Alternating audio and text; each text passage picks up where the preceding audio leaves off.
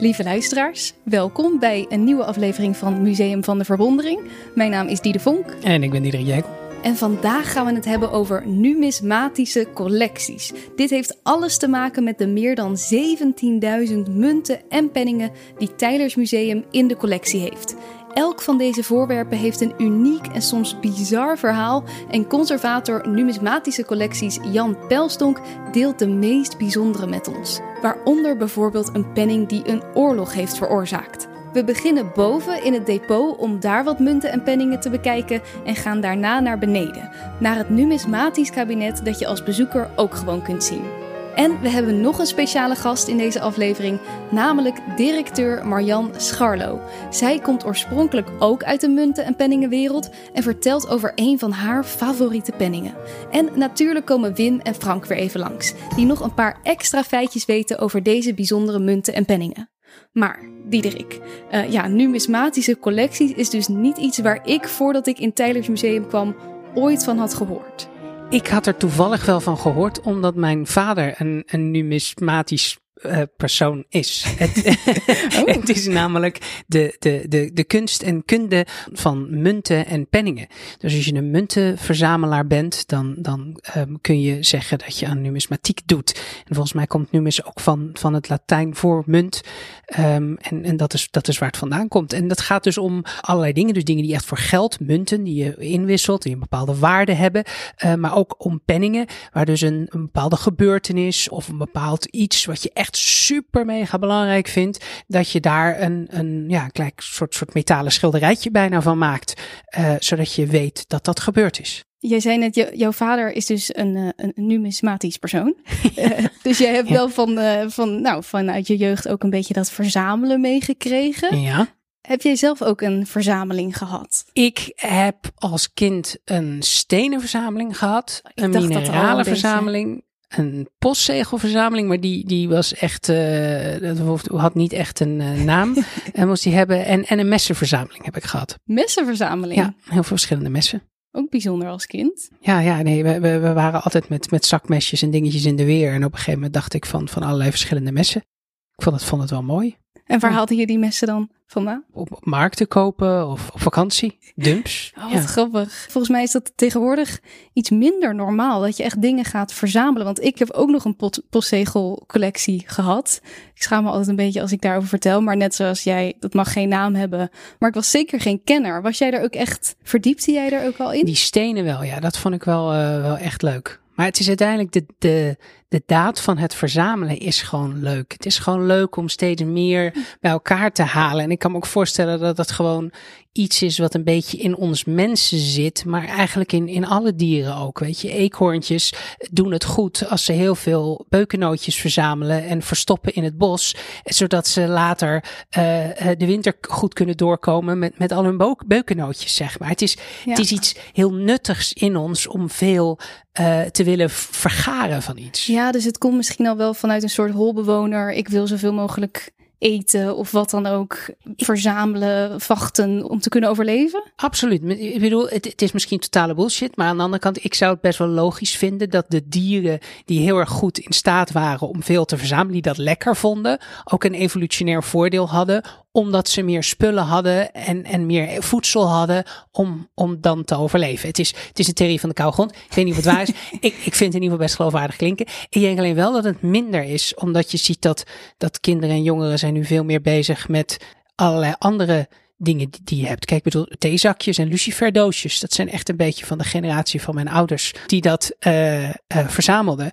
Maar dat is denk ik echt wel heel veel minder geworden. Ja, ja, wel jammer eigenlijk. En ja, eigenlijk kan je beter ook gewoon munten verzamelen. Want volgens mij is dat een stuk meer waard dan luciferdoosjes. Zeker, maar dat is uiteindelijk niet de waarde voor de verzamelaar, denk ik, per nee, se. Dat is waar. Dus even gelijk het verschil tussen munten en penningen is dus munten, daar betaal je echt mee. En een penning is wat jij zegt, een soort eerbetoon aan een, ja, aan een moment of een persoon? Of? Ja, een gedenkteken, een, een, uh, iets wat je heel erg belangrijk vindt, uh, wat er gebeurd is, een oorlog of een, iets, iets wat plaats heeft gevonden. En dan kan je daar een penning van maken. En dus dat, dat zijn dus echt wat dat betreft wel echt van die momenten waarvan men in die tijd vond, dit is zo belangrijk, dat moeten we uh, vereeuwigen. Kijk, we zijn nu inmiddels natuurlijk in een generatie die alles vereeuwigt. We zijn de hele tijd met Instagram en met video's en foto's, selfies aan het nemen. En op een festival of op een, op een concert zie ik meer mensen foto's maken en laten zien dat ze er zijn. Dat doen ze nog meer dan dat ze bezig zijn met het er daadwerkelijk zijn. Ja, net zoals mensen die dan video's gaan maken van vuurwerk, alsof je daar ooit naar terug gaat kijken. Dat, dat. Maar, we zijn daar een beetje in doorgeschoten. Maar in die zin de echt belangrijke dingen. Ik bedoel, we kunnen natuurlijk, vroeger moest je nog echt nadenken als je een foto maakte, want dat kon je nog ontwikkelen. En eh, dat, dat was dus, je had maar zoveel foto's op een rolletje. Uh, dus toen nam je al wat voorzichtiger foto's. Maar dit is natuurlijk helemaal een soort overtreffende trap. Dit zijn uh, echte metalen kunstwerkjes die gemaakt worden als aandenken van hé, hey, dit is echt belangrijk. En hier in het museum is er een heel erg mooi numismatisch kabinet. Pieter Tijlen had een enorme verzameling van munten, was echt een muntenverzamelaar. En daar zitten hele bijzondere munten zitten daartussen. En, en zometeen gaan we daar alles over horen. Uh, maar ik, ik kan me zo voorstellen dat als je voor het eerst in een museum komt en dan, dan die munten daar ziet liggen in zo'n kabinet, dan ja, dan is het risico dat je daar gewoon een beetje aan voorbij loopt. Ja, want als je niet weet ja, wat het verhaal achter die munten is, dan zie je gewoon munten. Ja, kijk, ik denk dat het er wat meer, net zoals een, als een hele goede wijn of, of, of, of koffie, je moet het een beetje leren waarderen of zo. Kijk, ik denk dat een, een schilderij, als je dat voor het eerste oog ziet, nou, een groot schilderij waar je duidelijk ziet wat het doet, dat, dat veroorzaakt snel een soort gevoel of een, of een blik of een verhaal. Je kan er wat makkelijker bij wegdromen. Maar, maar bij die munten, ja, die, die zijn vaak gebruikt. Die, die zijn uh, dus, dus misschien een beetje verweerd. Uh, het is sowieso natuurlijk klein, want het, het materiaal is en, en het bewerken ervan, dat is hartstikke duur. Oh, um, en, en ook het niveau van detail. Het is wat makkelijker om met een klein uh, uh, heel erg veel details ergens achter te laten op een tekening, uh, dan dat je dat in een munt doet bijvoorbeeld. Ja, dus het is eigenlijk misschien nog juist wel bijzonderder dan. Ja, ik denk dat je zeker als je dat dus aan de numismaat vraagt, dat dat, dat, dat zeker zo is. Maar daar is ook wel wat voor te zeggen. Ik denk in ieder geval dat het zeker niet iets is wat je zomaar uh, voorbij moet laten gaan. En uh, het mooie van al die munten is dat ze dus echt heel specifiek een verhaal vertellen, zeker die penningen ook, waarvan die mensen toen al vonden, dit is iets waar we het over moeten hebben. Dit is belangrijk. En ik zelf vind in, in de collectie wat voor mij een, een voorbeeld is, wat ik, wat ik heel erg mooi vind, is de, een, een muntje uit, uit 1618. Okay. Sowieso moet je daar even bij stilstaan. 1618, dat iets dus 403 jaar oud is. Ja. Daarin, daar, daar staat op de verschijning van een komeet. En een komeet. een komeet. Dus echt inderdaad met zo'n, uh, in 1618 verscheen op een gegeven moment aan de hemel, van de hele noordelijke halfrond werd dat gezien, een, een, een gewoon zo typisch zo'n zo'n zo'n zo'n lichtgevend stipje met daarachter echt een staart. En die bleef voor iets van, van anderhalve maand bleef die langzaam over de lucht heen trekken. En je moet je voorstellen, dit was um, 1618. Dus dit is smack them in het 12-jarig bestand van de 80-jarige oorlog.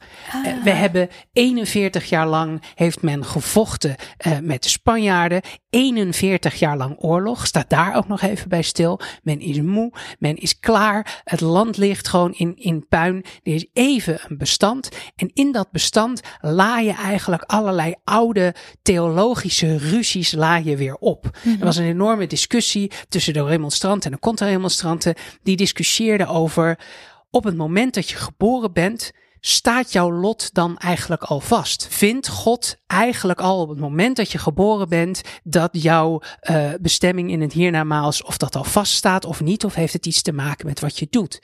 En dat stond direct, had dat te maken met ook een verdeling van, van politieke machten in Nederland die bij de ene groep of de andere groep hoorden. En precies op het moment dat er een, een, een enorme discussie was tussen allerlei uh, theologen en, en wetenschappers uh, en ook nog in, in Duitsland speelde zich ook die hele discussie. Maar dat je de, het, het synode van Dordrecht was een enorme kerkbijeenkomst waar ze het over hadden. En precies op dat moment verschijnt er in de lucht zo'n komeet. En al uh, zolang als de menselijke geschiedenis er is, zijn kometen altijd een soort, net zoals zonsverduisteringen, een soort onheilspellend boodschap van God. Ja, misschien wel dat je denkt, uh, nou, het einde der tijden is, uh, is er. Totaal. En beide partijen zagen het als een teken. Zie je wel, ik heb gelijk. En de, de, de andere is wat dat betreft heel erg slecht bezig. Ja. En waarom ik die zo mooi vind, is omdat nu theologie uh, politiek, onze eigen geschiedenis en ook een stukje wetenschap bij elkaar komen. Want die uh, uh, komeet in 1618 was zo ontzettend bijzonder, omdat het de eerste komeet is die uitgebreid met telescopen bekeken is. Ah, ja, want ik wou zeggen, hoe weten mensen dan dat het een komeet is? Nou ja, ik bedoel, je ziet gewoon een ding aan, het, aan de hemel staan en dan geef je het een naampje. Ze wisten ja. niet exact uh, wat het was. Het was pas echt een, een, een, een halve eeuw daarvoor dat mensen konden zien aan de, uh, de, de, de verspringing van, van, van het. Een beetje lang verhaal, misschien een beetje gek verhaal, maar als je met je ene, als je je, je duim uitsteekt met een gestrekte arm en je knippert met je ene oog of met je andere oog, dan zie je je duim verspringen, toch? Van ja. links naar rechts verspringen. Afhankelijk ja. of je met je linkeroog of je rechteroog kijkt. Dat heet parallax. En afhankelijk van hoe ver die duim verspringt van links naar rechts en hoe ver je ogen uit elkaar staan, kun je aan die verspringing heel mooi berekenen hoe ver jouw duim van jou vandaan staat. Oh, oké. Okay, okay. Want vlakbij is de verspringing enorm. En hoe verder weg je gaat, hoe kleiner die verspringing wordt. Oh ja. Ja, ja ik zit het even te doen. Ja, nou ja datzelfde kan je dus ook met uh, hemellichamen doen. Dus op het moment dat je aan de ene kant van de aarde of aan de andere kant van de aarde naar hetzelfde ding kijkt, dan zie je dus het op een andere plek in de lucht staan. Net zoals dat je duim verspringt op het moment dat je met je linkeroog of je rechteroog kijkt. Nou, dat is een manier waarop mensen al een paar, uh, paar decennia voor dit moment wisten: hé, hey, die kometen die zijn echt buiten de dampkring. Dat is echt best wel ver weg. Ja. Uh, dus, dus het moet iets zijn wat daar buiten zit. Nou, tien jaar voor de, deze komeet is de telescoop pas uitgevonden. Dit is precies in die tijd. Een telescoop was uitgevonden door een Nederlander. Meneer Lipperheij uit Middelburg. Veel mensen denken dat, dat uh, Galileo Galilei de, de telescoop heeft uitgevonden. Is niet zo. Is gewoon een Nederlander geweest. Kijk. En die heeft hem uitgevonden. En um, je ziet dat, dat de groten van de astronomie, zoals, zoals Johannes Kepler, met de wetten van Kepler, zeg maar. En ook studenten van Tycho Brahe, dat die daadwerkelijk die, die komeet voor het eerst aan het bekijken waren. En erover praten en metingen aan het doen waren. En dat is precies de komeet die vereeuwigd is op dit kleine, schattige, vierkante muntje van, nou wat zal het zijn, 2 bij 2 centimeter, ja, misschien net iets meer. Mini, mini. Waarop je een prachtige uh, afbeelding ziet van, van, van de komeet zelf met zijn staart erachter. En, en aan de andere kant zie je, zie je twee samengevouwen handen die zich naar de zon richten. Wat riethalmen en, en een rokende kandelaar. En dit is dus een moment waarop die mensen dachten: dit moeten we vereeuwigen. Ja. En ik snap dat ook. Want die komeet staat symbool voor een enorme wetenschappelijke vooruitgang. En ook gewoon voor een, een enorm filosofische discussie over het hiernamaals. En ook nog het uit elkaar vallen of bij elkaar komen van, van de Republiek der Nederlanden. Nou, dat, als je dat weet, dan denk ik dat zo'n zilveren penning meer tot de verbeelding spreekt. Ja, zeker. Ik was hier denk ik eigenlijk wel echt aan voorbij gelopen als ik dit niet had geweten. Zeker. En ik ook, totdat ik het ging opzoeken van, hé, hey, wat, wat is dit nou eigenlijk? En wat staat hier? En waarom vonden mensen dit zo bijzonder? Ja, wie ons daar echt alles over kan vertellen is natuurlijk conservator numismatische collecties Jan Pelsdonk. Dus laten we hem er gauw bij halen. Jan, leuk dat je erbij bent en ons iets meer wilt vertellen over deze bijzondere collectie. Um, wat doe jij precies in Tylers Museum? Uh, ja, ik ben conservator van de collectie munten en penningen. En dat betekent dat ik daar, uh, daarop pas. Ik maak er tentoonstellingen mee, ik doe er onderzoek naar, ik schrijf erover. Alles wat erbij komt, nieuwe, nieuwe verwervingen komen dus nu ook nog wel eens uh, nieuwe bij. Ja, zo heel af en toe wordt er iets nieuws aangekocht. We proberen die collectie die we hebben te versterken. Uh, en dan kijken we vooral naar de geschiedenis van het verzamelen. Dus het gaat niet zozeer om losse voorwerpen, het gaat meer om, de, om het bredere verband. En dat betekent dat we niet vaak wat aankopen, maar soms komen er toch hele mooie, mooie stukken binnen. Er zit natuurlijk altijd nog iets achter. Voor, voor mij zijn voorwerpen leuk omdat er een verhaal achter zit. Hoe kom je er als, als kleine jongen misschien achter van de, die munten? Dat, dat fascineert mij mateloos. Hoe ben jij daar ingegroeid? Ja, kijk, als je vroeger op reis ging, als je naar het buitenland ging, dan kwam je natuurlijk andere munten tegen dan dat je gewend was. Dus dat was sowieso interessant. Dan ga je ze eens goed bestuderen en dan merk je dat er tekentjes op staan die je niet begrijpt. Uh, Spaanse pesetas en er staat een, in het sterretje staat ook weer een nummertje. Wat betekent dat dan? Mhm.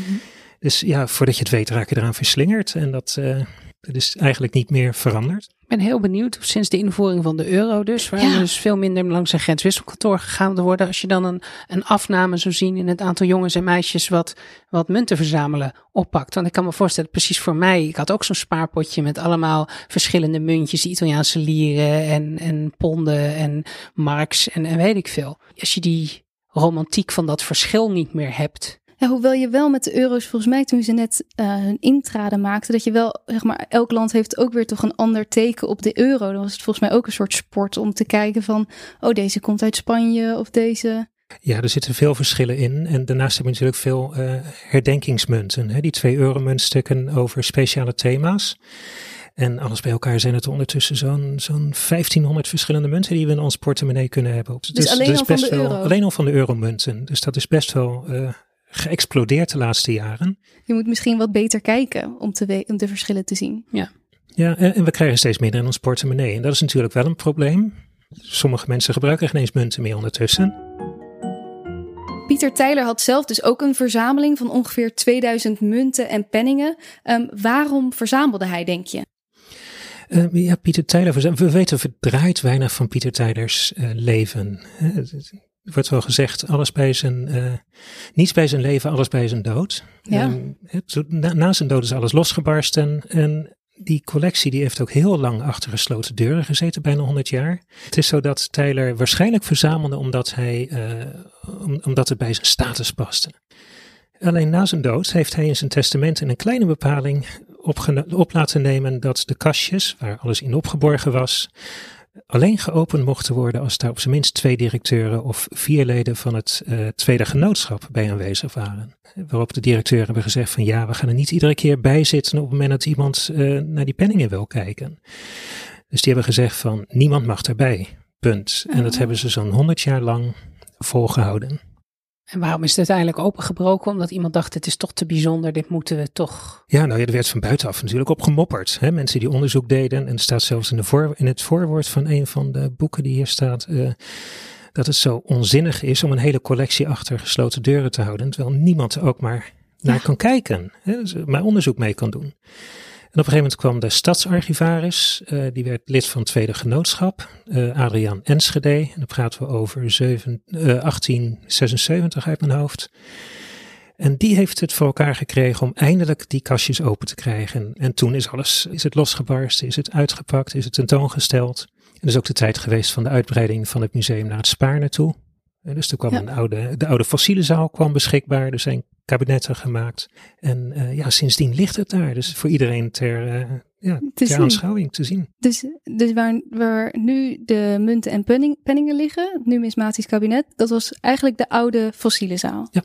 En waarom zou Tyler dat in zijn testament hebben gezet? Ik denk dat het een veiligheidsidee was. Het is natuurlijk heel makkelijk om, uh, om wat in je zak te steken. Je hebt zo je zak vol met goud en het duurt misschien een decennium voordat iemand dat merkt, voordat het weg is. Want hoeveel penningen en munten zijn er nu in totaal in de collectie? De verhouding penning en munt is ongeveer gelijk. En in totaal zijn het zo'n 17.000 voorwerpen. 17.000. En jij kent ze allemaal, dus eigenlijk. nou weet je, ik, ik heb ze allemaal wel gezien natuurlijk. Maar ik ken de een beter dan de ander.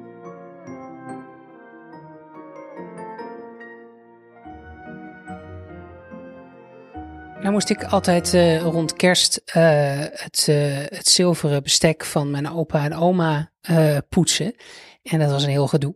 En totdat ik op een gegeven moment leerde dat je met aluminiumfolie, warm water en soda, dat je dus met een prachtig scheikundige reactie uh, uh, alle aanslag eraf kan krijgen. Dat is te gek in de wasbak. Okay. Leer je nog wel, dat is helemaal top. Hoe doe je dat met munten? Want ik kan me voorstellen dat het een enorme keuze is om te poetsen of niet. Hoort dat erbij? Maak je het stuk? Wat is de gedachte daarachter? Ja, ik doe er het liefst helemaal niets aan. Als het, een, als het enigszins kan, dan laat ik het liggen zoals het is. We houden scherp in de gaten in het museum of iets achteruit gaat. Maar um, op het moment dat je iets bewerkt, hè, als je iets schoonmaakt, ja, dan, dan gaat het voorwerp ook achteruit in kwaliteit. Je verandert in wezen de structuur van het voorwerp. Hè. Als je poetst, dan is het heel duidelijk zichtbaar. Dan krijg je haarkrasjes, krijg je nooit meer weg.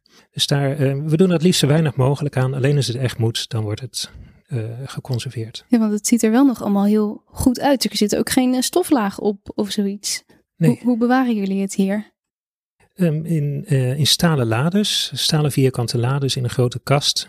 Die lades zijn open, dus uh, de lucht kan er ook vrijelijk over circuleren. Uh, dat maakt dat het minder, minder snel aangetast wordt dan als je het luchtdicht zou, zou afsluiten. En dan krijg je een microklimaat binnen die verpakking. En oh, ja. dat heeft ook weer, kan ook weer gevolgen hebben. Dus het is juist werk aan het averechts werken om het in plastic te sealen en in de ja. hoop dat daardoor niks binnenkomt.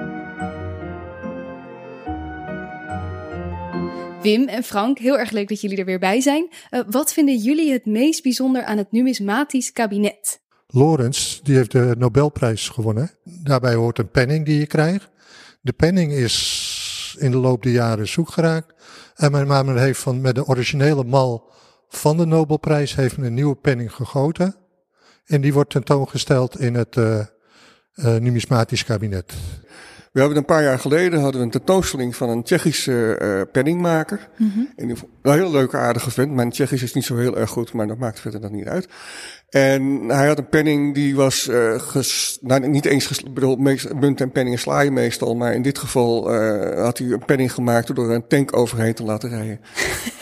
ja, dus dat, en, en die is ook te zien. Dus dat, maar dat maakt het alweer wat leuker natuurlijk om dat soort verhalen erbij. Als mensen naar het numismatisch kabinet zouden gaan, uh, wat je daar ziet liggen is, als ik het niet helemaal verkeerd heb, uh, ongeveer 5% van onze totale collectie. Oh, want Heel lang hadden we in ieder geval de op twee na grootste collectie van Nederland. Die we dan niet kunnen zien, die liggen dan ook allemaal in die een depot? Die liggen in depot, of, ja. maar daar zijn dan weer ook wisseltentoonstellingen voor in de gang. Ja. Uh, en dat is om de drie maanden of zo, vier maanden wisselt dat. Ja, vaak sluit het aan bij de, de, de bij de grote tentoonstelling. En... Mm -hmm in de aparte vitrines getoond. Ik denk dat munten en penningen, ik heb altijd gedacht dat het een beetje een ondergeschoven kindje was, zeker bij bezoekers. -hmm. Je loopt er ook vrij makkelijk voorbij. Ja, je ziet Kijk, je het, komt uit ja. de ovale zaal over het algemeen en dan loop je het gangetje in en dan zie je meteen schilderijen, pats boem. Ja. En voor je weet loop je daarheen en dan vergeet je even aan de andere kant te kijken. En penningen. Terwijl het een hele interessante verzameling is, denk ik. Ik heb wel trouwens op een gegeven moment heb ik regelmatig vingerafdrukken op de vitrines gezien. Niet omdat mensen probeerden het glas in te drukken, maar omdat er toch meer mensen naar kijken dan ik altijd heb gedacht. Ah, maar je dus moet dat... inderdaad wel, wat je zegt, het verhaal weten. Ja, nou, er staat wel wat, wat uitlegjes bij. Mm -hmm. En in een van de laadjes zit zelfs een, een, een, een, een kopietje van uh, een catalogus die uh, Pieter Tyler heeft gehad met de dingen die je hebt aangekocht. En er staat ook aangegeven wat je kan zien en wat, wat het is en dat soort dingen. Maar ook in een van de vitrines ligt nog een guldens kwartje. Dat herkennen mensen ook nog wel. Dus, uh, oh, precies. Die, dus, die, ja, die weet je wel vroeger. Ja. ja, de daalder wordt alweer een ander verhaal. Ja. Maar die heb ik er niet ik meer bedoel, meegemaakt. Waar, waar een reclameslogan ooit op de markt is je gulden een daalder waard. Een daalder was een anderhalve gulden. Mm -hmm. Maar de daalder zelf bestaat volgens mij sinds de jaren 30 of zo al niet eens meer. Nee. Maar die slogan die... Uh, is dus, heeft nog heel lang doorgewerkt. In de tijd van de gulden, dus uh, ja, nu, vorige eeuw alweer. Inderdaad. Jonge luisteraars. Uh, heel vroeger, als er munten gemaakt werden, mm -hmm. uh, als je nu naar, naar, onze munten kijkt, dan zie je dat randjes een ribbeling hebben. Ja. Vroeger stond er op de, de, de gulden en, en riksdaalder, voor degenen die dat nog weten, als ik het goed heb, stond er op de zijkant, God zijn met ons. Oh. Ja, er was een tijd dat munten gewoon glad waren. Aan de zijkanten, zeg ja. maar. Ja. En wat deden sommige mensen dan? Die, die sneden er een randje af, ja. waar van goud of van zilver. En als je dat bij meerdere munten doet, nou, dan heb je opeens weer een aardig voorraadje goud. Oh. En, dus, nou, en, en dan worden die munten worden wel steeds kleiner. Mm -hmm. En daar is op een gegeven moment, voor zover ik weet, op bedacht dat er dus kenmerken aan de zijkant, want dan kun je, als je dan af gaat snijden. Ja, dan ziet iedereen dat het is niet meer een echte precies, munt. Precies. Wat ook wel leuk is misschien, uh, onze huidige directeur, Mian Scharlo, ja. die komt ook uit de muntenpenningenwereld. Ze heeft ooit, moet ik even denken, ik dacht eind jaren tachtig een boek geschreven samen met twee andere klinkende munt. Oh? Dat is een heel leuk boek. En Jan Pelstonk is conservator numismatische collecties. En daar kan er ook heel leuk over schrijven. Oké. Okay. Hij schrijft blogs over verschillende onderwerpen, meestal één penning of een gebeurtenis. En dan schrijft hij er heel leuk over te vinden op de website www.tijdersmuseum.nl. Kijk eens. Oh, maar dat is leuk. Dus als mensen in het museum komen, die penningen zien en dan alsnog denken, ik wil er nog meer over weten. Ja, nou ik bedoel, nog niet alle penningen heeft hij in een blog uh, besproken. Dus dat, dat wordt ook wat lastig, want ik heb geen idee hoe groot onze penning- en muntencollectie precies is. Maar als je alles een blog moet gaan maken, dat, dus hij doet gewoon de, de leukste, het interessantste, waar een leuk verhaal aan zit. Ja, laten we gauw naar hem teruggaan, want volgens mij heeft hij nog een hele hoop mooie verhalen te vertellen over deze collectie. Dus uh, heel veel dank Wim en Frank voor jullie bijdrage weer. Heb je een, um, een hele oude, een van de eerdere munten die in Nederland zijn? Ja, Nederlandse munten gaan, hè, de Nederlandse muntslag gaat ver terug. Dan praat je over de, de, de Romeinse tijd. Uh, daar hebben Keltische stammen al, al munten laten slaan. Um, hier als voorbeeld een, uh, uit later tijd een middeleeuwse munt uit Florence, een goudschulden. Er staat een mooie lelie op. Dat is sinds, sinds lang zijn het de eerste gouden munten geweest. En daar komt ook ons, ons, ons woord florijn vandaan. Oh ja. Is dat de 13e eeuw een beetje rond ja, die eind, tijd? eind, uh, ja, zeg maar rond 1300. Dus eigenlijk voor de gulden waar we toen mee betaalden eigenlijk. Uh, ja, nou betalen is natuurlijk weer een, uh, een, heel, een heel lastig iets. Maar het zijn wel munten die in de handel gebruikt werden. Dus het zijn vooral voor grotere transacties. Ja, want die munten die gebruik je niet in de bakker en bij de, bij de slager. Nee, daar waren ze veel te waardevol voor. Dus net, net als met een, met een, uh, met een briefje van, van 500 naar de bakker lopen en proberen om een, uh, om een krentenbol te kopen. Nee, ja. dat schiet niet op. En we hebben, betalen, we hebben met de gulden betaald, uh, de florijnen werden er gebruikt. Wanneer is dat nou begonnen, echt het, het idee van geld of munten? Hier in Europa zijn de oudste munten gemaakt in de zevende eeuw voor Christus. Oh, dat is echt al heel dus oud. dat is al zo'n uh, zo'n 2700 jaar terug. Ja. Middellandse Zee, toch Lydië en zo, daar die... Ja, de westkust van, uh, van, van Turkije, daar, uh, daar is het begonnen. Oh, dus daar, daar werd het voor het eerst gemaakt. Hebben jullie ook een, een munt die zo oud is? Ja, er ligt er eentje in de, in, in de tentoonstelling, kunnen mensen zien. En, en hoe, hoe ziet die eruit? Het is een klein, uh, ja, je kan niet zeggen het is een schijf. Het is een, een klein blokje van een natuurlijke goudlegering. En er staat het zegel van de koning op. En dat is een leeuwenkop. En met dat zegel is een wezen gezegd van deze heeft een bepaalde waarde. En dat is wat je, wat je in wezen nog steeds ziet. Het stempel met het hoofd van de koning is in wezen niet anders dan die munt van 2700 jaar geleden. Het is dat stempeltje wat bepaalt wat je ermee kunt doen. En da daar was de waarde hetzelfde als de waarde van het materiaal ook? Nou, was wel een probleem in die tijd. Het was een natuurlijke goudlegering. Uh, uh, en dat betekent dat er vaak meer zilver dan goud in zat. Dat die munten niet helemaal, uh, niet helemaal gelijk in, in waarde waren uiteindelijk. Wat je wel ziet is dat op het moment dat je dat goed van elkaar kunt scheiden, de, de metalen, dat je wel munten krijgt met een vaste waarde. Alhoewel het ook nog heel lang zo is dat de metaalwaarde van een voorwerp in wezen uh, de waarde van de munt bepaalt. Oh ja, dus als een munt handelt naar het buitenland toe, mm -hmm. ja, die hebben niks met guldens. Maar die zien wel van, oh, dat is een mooi schijfje goud. Oh ja, dus dat was op het begin nog wel dat die, dat, dat onderscheid er was, maar dat is na verloop van tijd steeds minder geworden. Um, ja, dat onderscheid wordt minder naarmate er minder waarde in de voorwerpen zit. He, als we nu naar de euromunten kijken, dan is het een, een plaatje van een paar cent, waar een stempel op staat 2 euro. Oh ja, tuurlijk. Ja, dat is niet goud of zilver, dat is nee. gewoon... Ja, dus de kans dat het omgesmolten wordt omdat het metaal meer waard is, ja, dat is nihil. Dat is gewoon meer dat het we, de, de stempel zegt, we, de, de Europese Unie staat achter deze waarde en is stabiel. En daardoor heb je vertrouwen in de 2 euro munt. Ja, precies. Maar wat ik hier kan laten zien is dus dat die penningkunst nog heel ver doorgaat. Dit is een moderne penning. Oh, En ja. dan praten we uit 2011. Dat is bijna niet meer herkenbaar als penning Nee, eigenlijk, toch? nee, dus het is niet meer een plat rond schijfje, muntachtig schijfje. Het is ook een, een eigen kunstuiting. En in dit geval zijn het twee vierkante vlakken die op elkaar ge, uitgebracht zijn met, met een tak die er doorheen komt. Van brons en een centimeter of 7 bij 7 ongeveer, denk ik. En een centimeter of 2, 3 Ja. hoog. En waarom, wanneer noem je het dan nog steeds een penning?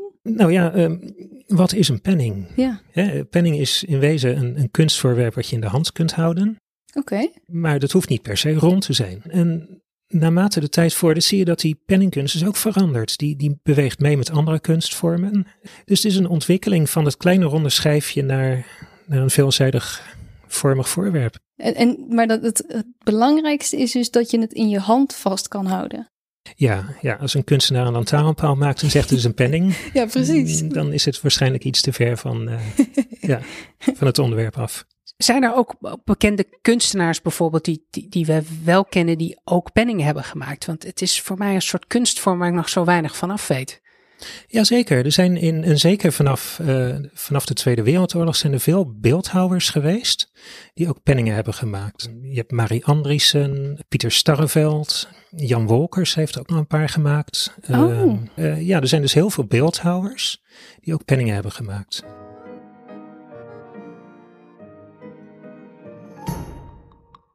Eh, Jan, je hebt er nog even eentje bijgepakt uit eh, al deze vele lades hier met penningen. Wat is dit voor penning? Ehm, ja, dit is een, een bronzen penning en die is gemaakt door Pieter Starreveld. Hij heeft midden in de Tweede Wereldoorlog een serie penningen gemaakt over, over de Tweede Wereldoorlog, over onderdrukking, eh, bevrijding. Hij dacht die oorlog die kan nooit meer lang duren. Dus hij heeft deze penning gemaakt met, met in het omschrift al het jaartal 194. Alleen het laatste getal moest nog ingevuld worden. Oh, wow. Dus het was een idee, een, een penning voor de vrede dan, voor het einde van de oorlog? Ja, het idee van eindelijk, eindelijk komt er weer vrede. Op een van de penningen staat onderdrukking geleden, om vrijheid gestreden en draagt eindelijk vrede. Maar het hebben van deze stempels en het maken van deze stempels was natuurlijk levensgevaarlijk. Want als de bezetter erachter kwam, Ja. was het einde oefening. Ja. Ehm, ze zijn naar, eh, naar het productiebedrijf uh, Gerrits in, eh, eh, zijn ze vervoerd en daar zijn ze verborgen achter een nieuw gemetselde muur. Dus er is een muur voorgemetseld, zo moet ik het zeggen. Er is een muur voorgemetseld om die munten maar verborgen Om de te stempels houden. maar verborgen te houden. eh, en dan is het alleen maar wachten tot de oorlog is afgelopen. En daarna zijn ze direct in productie genomen.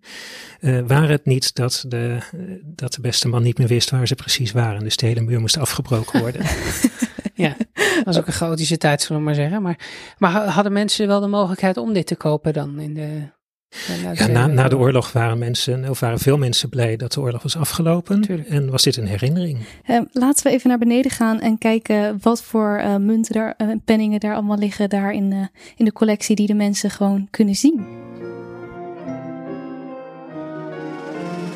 Nou, beneden aangekomen staat hier ook Marjan Scharlo. Marjan, jij bent de directeur van Tylers Museum. Een hele mooie baan lijkt me. Fantastisch. Ja? Heel inspirerend. Er zijn telkens weer nieuwe onderwerpen. En geschiedenissen waarvan je denkt, wauw, dat wist ik niet. En eh, je leert de hele tijd nieuwe dingen bij. En dat is wat het zo leuk maakt. En waarom is dit museum zo bijzonder? Nou, alleen al als je over de drempel stapt en je stapt dat gebouw binnen, dan denk je echt, oh, ik stap in een andere wereld. Eh, vervreemdend. Eh, het geeft je een nieuwe focus op dingen. En de, de waanzinnige interieurs, de raadselachtige objecten, eh, waarvan je van de ene verbazing in de andere valt omdat je het niet snapt. Of omdat je het er prachtig vindt uitzien. Er is zoveel ehm, wat je kan boeien. En ja, daar krijg je gewoon nooit genoeg van. En dan kom je, als je eerst door de fossiele zalen loopt en dan door de natuurkundige instrumentenzaal, dan kom je in de ovale zaal. Ja, dan kan je toch eigenlijk alleen maar sprakeloos zijn. En dat is alleen nog maar als je de eerste keer gewoon onbevangen naar binnen loopt. Maar als je zoals ik hier 20 jaar werkt, dan weet je ook inmiddels een heleboel over de geschiedenis van ehm, het pand, hoe het is uitgebreid, wie er allemaal hebben rondgelopen, welke ontdekkingen er zijn gedaan. En dan gaat het nog veel meer leven. Dus je, dus je loopt eigenlijk in een soort eh, permanent eh, evoluerend kunstwerk. En daar mag jij eh, gewoon leiding aan geven. Dat is toch geweldig? Ja, klinkt fantastisch. En elke dag wordt je werk dus ook nog een stukje mooier eigenlijk. Ja, en als ik even in een slecht humeur ben, want zelfs een directeur van Tyler heeft wel eens een dipje. eh, dan loop je even naar binnen door in het museum en dan kom je meteen weer in een goed humeur. Dus het is de, de ultieme eh, motivator om eh, door te gaan. En we zijn hier bij de munten. Ja, Ehm, En de penningen? en de penningen. En ehm, dat is ja, daar, daar weet je ook echt wat vanaf. Uh, anders dan gewoon als directeur zijnde, toch? Ja, alhoewel ik wel moet zeggen dat mijn kennis een beetje roestig is geworden. Um, want uh, ik zei net al dat ik hier twintig jaar directeur ben. En daarvoor was ik directeur van Rijksmuseum het Koninklijk Penningkabinet. Dat zat toen in Leiden. En uh, voordat ik directeur daarvan was, was ik uh, conservator penningkunst. En ik ben ooit begonnen als uh, studentassistent daar. Dus ik heb uh, heel veel um, expertise daar opgebouwd. Maar dat moet je onderhouden, zoals alle expertise. En als je dat niet doet, dan wordt het een beetje roestig. Vandaar mijn kleine voorboud. Maar we hebben net gehoord dat je zilveren munten en penningen ook niet moet oppoetsen. Dus misschien is het helemaal niet erg. Dat in, die, in die roest zit ook wel weer wat schoonheid natuurlijk. Uh, zeker. En bovendien heb ik daar collega Jan voor. En die houdt ons allemaal bij de les. Heel dus goed. dat is prima. Heel goed. En waar is bij jou die fascinatie ontstaan? Dus eigenlijk al bij, bij de munten en penningen. Ja, nou, um, dat komt eigenlijk omdat in elke munt of elke penning zit een gecomprimeerde boodschap uit het verleden naar jou. Dus je kijkt ergens naar en je, je laat het licht erover glijden. Hè? Vasthouden is ook heel belangrijk. En dan denk je, jee, mensen hebben hier heel erg goed over nagedacht wat hierop moet en hoe het erop moet. En die willen ons iets vertellen door de eeuwen heen. En dat is toch totaal fascinerend dat jij iets vasthoudt, een boodschap uit een ver verleden, en dat jij daar kennis van kan nemen en als het ware dan even kunt communiceren met mensen van vroeger. En dat geldt natuurlijk voor oude munten en penningen. En hedendaagse penningkunst is natuurlijk een heel ander verhaal, maar ook weer totaal fascinerend. Alweer omdat je op een klein vlak, waar je twee zijden hebt of meer zijden tegenwoordig, moet je het allemaal kwijt. Hè? Je hebt niet uh, een monumentale ruimte of zo. Dus dit zijn eigenlijk monumenten in miniatuur. En ze zijn dus heel klein en ook tegelijkertijd enorm groot. En het gaat uh, ja, over alles. Het is echt een geweldige speeltuin. Ze liggen hier natuurlijk normaal uh, in de vitrines achter glas. En je zei al, het geeft nog een extra dimensie om ze vast te houden, het licht erover te laten schijnen, het gewicht voelen misschien wel. Um, je hebt al een wit handschoentje aangetrokken en een penning vast. Uh, wat voor verhaal zit er hierachter? Ik heb deze penning uitgezocht omdat ik er 2005 uh, een verhaaltje over heb uh, geschreven. Ook alweer even geleden dus, maar goed. En hij is me altijd bijgebleven, deze penning. Uh, tussen al het geweld van wat hier allemaal nog meer ligt, omdat het zoiets persoonlijks uh, is. Want het is een beetje een donkere ja. penning. Um, ja, als, je, als je hem in de vitrine ziet liggen, dan loop je er zo langs. En waarom die zo bijzonder is, is dat het een particulier teken van vriendschap en van een soort eerbewijs is. Wie hierop staat is uh, Michelangelo Buonarroti.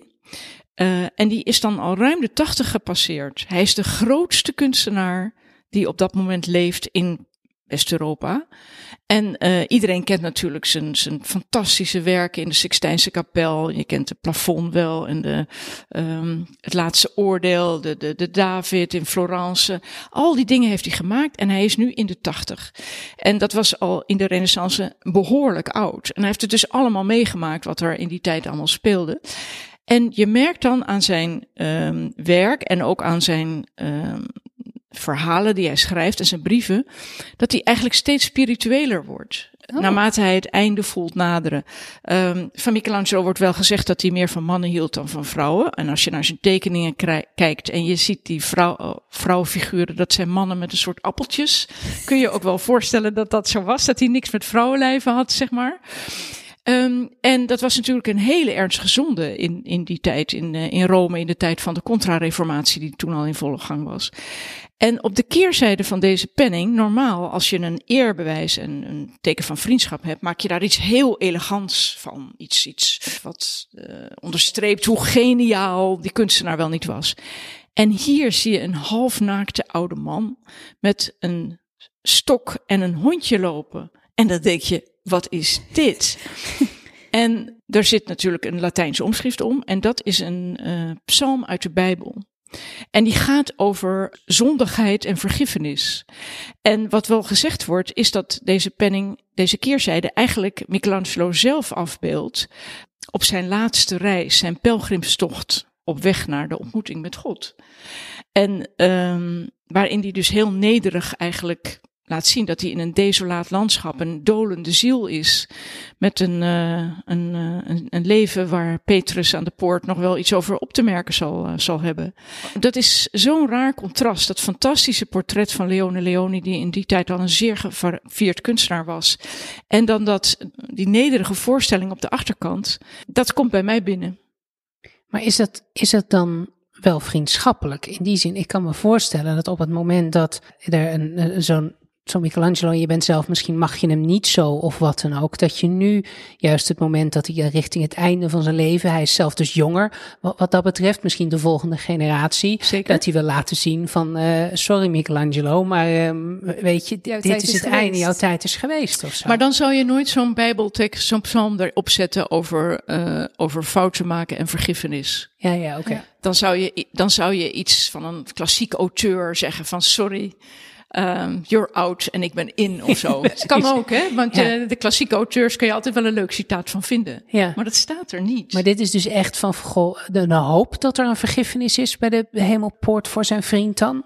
Of, We weten de geschiedenis hierachter niet precies. Het moet zo zijn geweest dat Leone Leoni uh, Michelangelo zelf uh, geboetseerd heeft. Uh, maar, en we weten ook dat de penning gegoten is in Milaan en Michelangelo woonde toen in Rome. Maar of ze samen hebben gepraat over wat er op de keerzijde moet, of dat Leone Leoni zelf uh, het idee had, nou dit past, uh, daar is helaas niet zoveel over bekend. Maar het is totaal intrigerend. Ja, mooi mysterie juist. En, maar, maar snap je, we zijn nu even aan het praten over mensen die 500 jaar geleden leven en leefden en hun, hun zorg over het hiernamaals. Dat is Ja. toch fantastisch? ja, absoluut. Het is, het is een, een brief van hen naar ons. Even een klein inkijkje Ja. in hun leven. Ja, dankjewel Marjan. Graag gedaan en nog veel plezier in deze grote museale snoepwinkel. Penningen maken was vroeger, op het begin, als ik het goed begrijp, vooral iets van mannen. Uh, waren er ook vrouwen hierin geïnteresseerd? Ja, eeuwenlang was het voor vrouwen eigenlijk niet, ja, het was eigenlijk not done. Hè? Vrouwen moesten niet werken en die, die zorgden voor het huishouden en uh, mannen zorgden voor het brood op de plank. Bij penningkunstenaars zie je eigenlijk dat het in de, aan het einde van de 19e eeuw pas begint. Um, die penning die je hier ziet, een kleine platte penning van nou nog geen 3 mm, uh, 30 mm diameter. Dat is de oudste Nederlandse penning door een vrouw gemaakt die je ken dateert uit 1898, dus het jaar dat koningin Wilhelmina werd ingehuldigd. Toen kwam er een uh, grote tentoonstelling over vrouwenarbeid in Den Haag. En toen werd er gedacht van ja, er hoort ook een penning bij. En er werd zoveel mogelijk door vrouwen gemaakt. En die penning is daar dus ook uit voortgekomen. Oh, dus eigenlijk rondom die, uh, de, dat uh, Wilhelmina dus gekroond werd, werd er heel veel gedaan door vrouwen, kunstenaars, vrouwelijke kunstenaars. Ja, ja, precies. En, maar dit is dus uh, de, de, eerste penning en dan wordt het ook weer een tijdje stil. Maar hier heeft Georgine Zwartse dus deze penning gemaakt. En wat zien we precies? Want ik zie een soort de, twee mensen en de ene doet een soort van een hand omhoog boven het hoofd van de ander. Klopt dat? De arbeidende vrouw wordt, uh, wordt gehuldigd. Ah, dus echt het, het idee dat de vrouw werkt, dat wordt hierbij gevierd. Ja, ja. Tot slot, want we kunnen helaas niet alle munten en penningen hier bespreken, maar is er nog één met een heel bijzonder verhaal dat we gewoon moeten weten? Een he- een, het is een hele grote zilveren penning en ook vrij hoog. En daar, uh, die, die penning is gemaakt in 1667 door Christophe Adolphi. En die is gemaakt ter herinnering van het einde van de Tweede Engels-Nederlandse Oorlog, 1667. En um, daar zie je de nijd, wat is dat? Dat is de, de, een personificatie van het kwaad. Ligt op de grond en daarbovenop staat de Nederlandse maagd. Oh. Zo van, wij vertrappen het kwaad. Nou, als je naar het kwaad kijkt, dan zie je daar het portret van de Engelse koning Karel II in. En uh, er staat ook een tekst onder, verdwijnt van hier, gij ondier. Maar de Engelse koning kreeg deze penning onder ogen en die was helemaal niet zo blij mee. Nee, dat kan, kan deze penning wordt ook genoemd in de oorlogsverklaring, in de eerstvolgende oorlogsverklaring. Dus de Dus dit is derde een- Nederlands-Engelse oorlog. Precies, dus dit is, de, uh, dit is een vredespenning die een oorlog heeft veroorzaakt. Oei, dat, dat is niet, uh, is niet, niet, de handigste penning geweest misschien om te Nee. maken. Nee, de Engelse koning wilde ook graag het hoofd van de medailleur op een, uh, op een zilveren dienblaadje hebben. Dat heeft hij niet gekregen. Maar ja, de oorlog is er wel gekomen. prachtig. Ja, bizar. Ehm, heel erg bedankt, Jan. We hebben heel veel eh, weer van jou geleerd over al deze penningen hier. Maar ja, we hebben er een paar kunnen bespreken, maar er liggen er hier.